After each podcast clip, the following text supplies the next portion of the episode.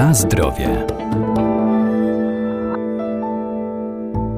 Artykuły spożywcze dostępne w handlu są odpowiednio oznakowane. Obowiązkowo muszą być tam wyszczególnione wszystkie składniki, które zostały użyte w trakcie produkcji, w tym alergeny, które dany produkt może zawierać. Muszą się one wyróżniać od pozostałych informacji, przykład być zapisane inną czcionką czy kolorem tła.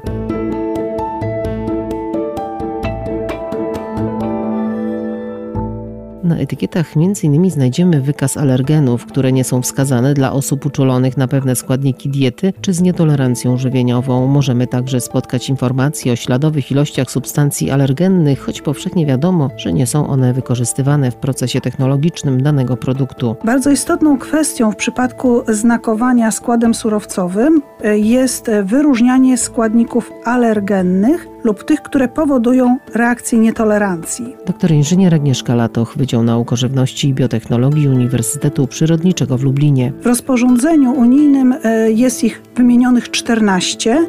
Między innymi są to zboża zawierające gluten, skorupiaki, jaja, orzeszki ziemne, soja, mleko, orzechy, seler, gorczyca, sezam i tym podobne.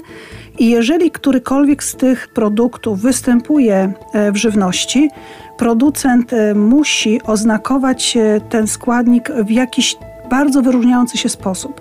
Może to być na przykład pogrubiona czcionka, wyróżniona kolorem, czy też podkreśleniem.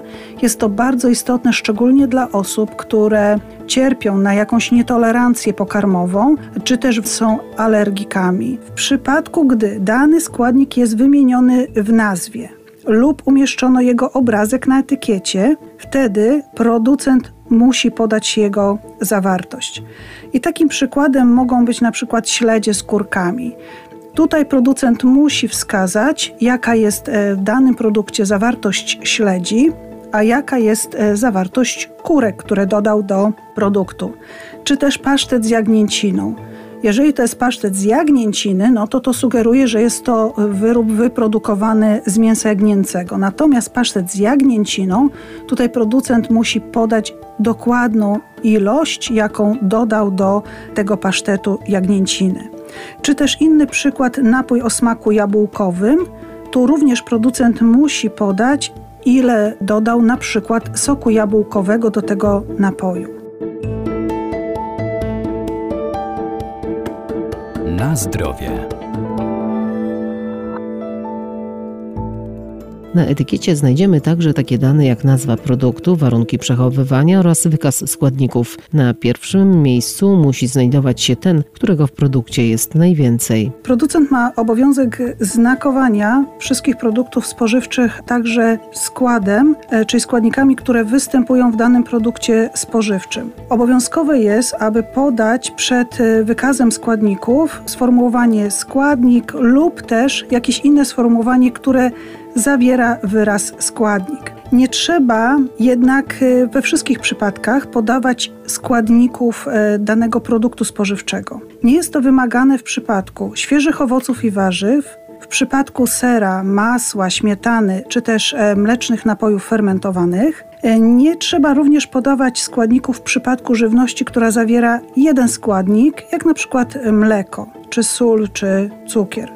Gdy nazwa składnika jest też taka sama jak nazwa żywności czy nazwa produktu, również nie trzeba podawać e, wykazu składników. Natomiast składniki podaje się w kolejności ich ilościowego występowania.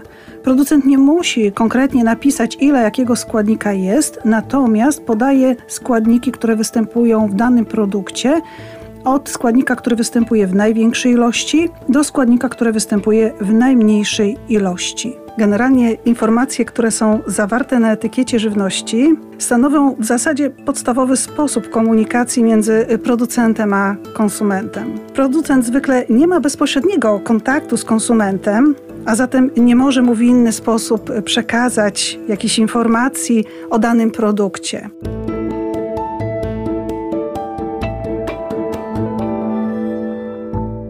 Jeżeli żywność okaże się nieświeża lub niezgodna z tym, co deklaruje na opakowaniu producent, zawsze przysługuje nam prawo do reklamacji. Składamy ją u sprzedawcy. Na zdrowie.